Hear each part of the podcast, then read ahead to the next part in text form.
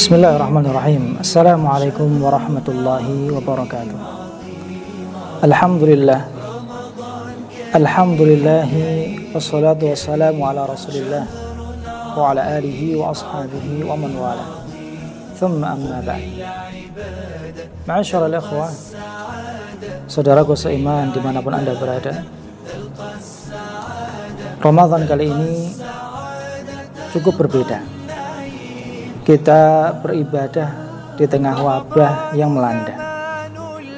Banyak sebagian orang yang kemudian tenggelam dalam kepanikan, terseret arus ketakutan, panik buying dan seterusnya. Padahal semestinya ibadah di bulan Ramadan ini di tengah wabah yang melanda ini mengembalikan kesadaran kita bahwa tidaklah terjadi suatu musibah, suatu bala wabah di mana pun itu terjadi melainkan karena izin Allah swt dan tidaklah ada yang mampu untuk mengangkatnya menghilangkannya kecuali Allah swt keyakinan inilah yang mesti kita kembalikan lagi. Bahwa setiap kesulitan akan ada kemudahan. Bahwa setiap penyakit ada obatnya. Dan sang penyembuh itu adalah Allah Subhanahu wa taala. Simaklah firman Allah Subhanahu wa taala di dalam surat Asy-Syu'ara ayat 79 hingga ayat 81 Allah taala berfirman والذي هو يطعمني ويسقين وإذا مرضت فهو يشفين والذي يميتني ثم يحيين dan dialah Allah yang beri makan dan minum kepadaku. Dan apabila aku sakit maka dialah yang menyembuhkanku. Dan dia pula yang mematikanku kemudian menghidupkanku Sudahkah kita mengembalikan keyakinan ini? Bahwa setiap sakit yang datang maka Allah yang menyembuhkan. Obat hanyalah perantara Dokter hanyalah perantara, perawat hanyalah perantara. Yang menjadikan sembuh dan tidaknya adalah Allah SWT. Dan ingatlah Masya Allah Ta'ala bahwa di bulan Ramadan Allah turunkan Al-Quran yang sejatinya Al-Quran itu sendiri adalah syifa penawar. Dalam bahasa Arab ada yang dikenal dengan kata dawa dan juga syifa. Para ulama menyebutkan perbedaan antara dawa dengan syifa yang kedua-duanya sama-sama dimaknai obat. Adapun dawa lebih pada pengobatan jasmani. Adapun syifa tidak hanya mengobati jasmani, lebih daripada itu syifa adalah pengobatan dari si.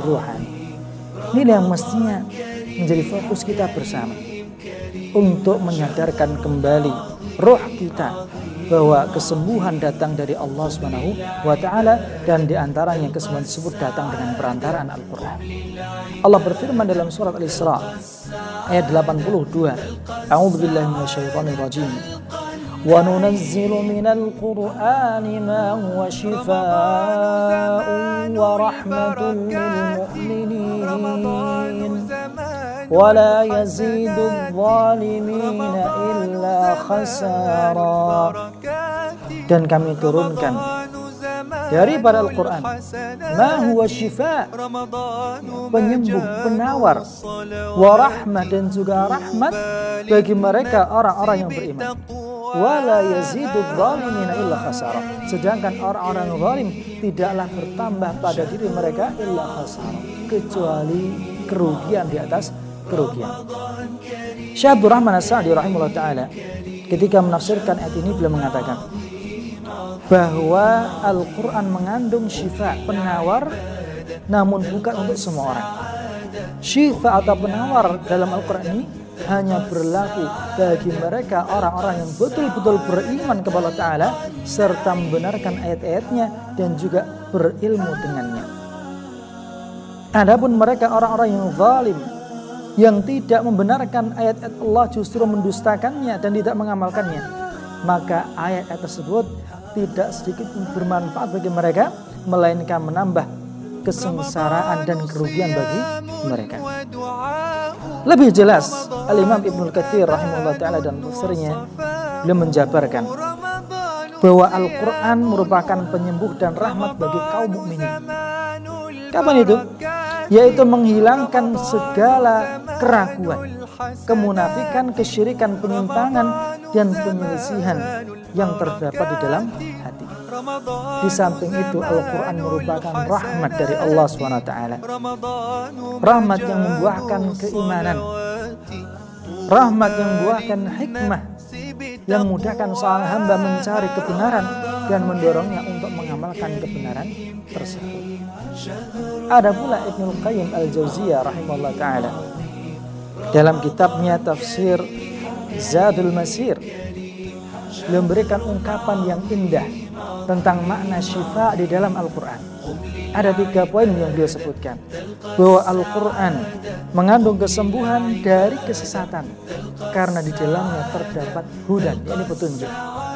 Yang kedua, Al-Quran mengandung kesembuhan dari penyakit. Karena di dalamnya terdapat keberkahan. Dan yang ketiga kata beliau, Al-Quran merupakan penawar atau kesembuhan dari para kebodohan karena di dalamnya Allah sebutkan banyak penjelasan tentang kewajiban dan Di sinilah ma'asyiral ikhwah rahimani wa rahimahullah taala.